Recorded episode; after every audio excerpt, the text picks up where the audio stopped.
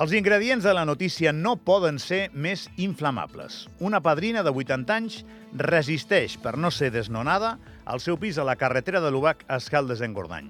Qui la vol desnonar és una empresa, propietat o vinculada a un dels creadors de contingut més importants en llengua castellana, el murcià David Cànovas, més conegut com de Gref que viu a Andorra.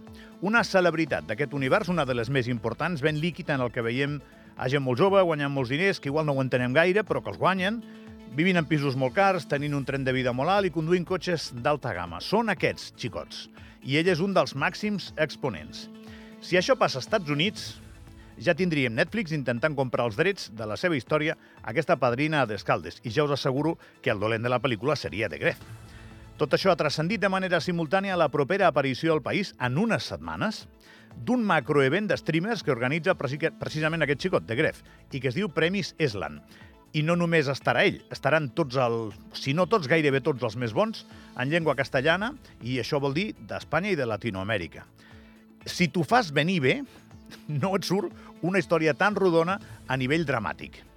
El tema s'ha de seguir i fer bé, però admetem-ho, al primer cop d'ull és difícil no sentir-se interpel·lat. La senyora té 80 anys i els propietaris de l'immoble, segons ha transcendit, segons el relat de l'advocat de la llogatera Pere Cristòfol, que l'hem convidat ja a venir al programa, li han fet la vida impossible perquè marxi i poder fer el que vulguin amb l'edifici, perquè se l'han comprat l'edifici. Segons explica l'advocat, li han fet passar fred i d'altres coses, més lletges encara, perquè marxi i els així fer el que volen. I la senyora diu que no, que porta 35 anys allà i que no se'n va i fins ara no se n'ha anat. Avui allà està vivint aquesta senyora.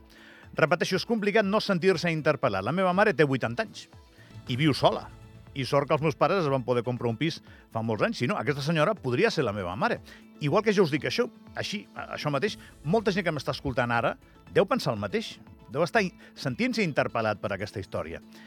Uh, I si ho fos la meva mare, doncs ja em sap greu, uh, ja em sap greu pel decret, però em veuria transmutat en un Braveheart, jo mateix, a l'Andorrana per defensar la voluntat de la meva mare de no moure's d'allà. I he de baixar el sufler, també, perquè és inevitable. Al final fem periodisme aquí. Al mateix temps que és obvi que això ens surt automàticament a tots, aquest és un país on negocis d'aquests s'han fet i desfet moltes vegades. I no pas per gent de fora. També, de fet, gairebé sempre, amb empresaris del país al centre de l'escenari. Andorra és lloc d'intercanvi, d'emprenedoria, i això no canviarà també a la construcció i en els immobles. I no es pot fer una editorial sense mencionar que les persones que fan negocis han de saber que tenen un terreny de joc per posar en circulació els seus diners. Per últim, hi ha moments en què hi ha situacions que es converteixen en símbols. La situació d'aquesta senyora ja ho és. I Andorra ja no és la que era.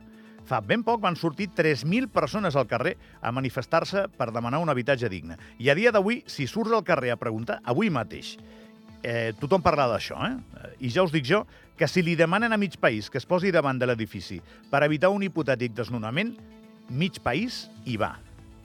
Igual hi vaig jo també. Si la senyora no se'n vol anar, em temo que no se n'anirà.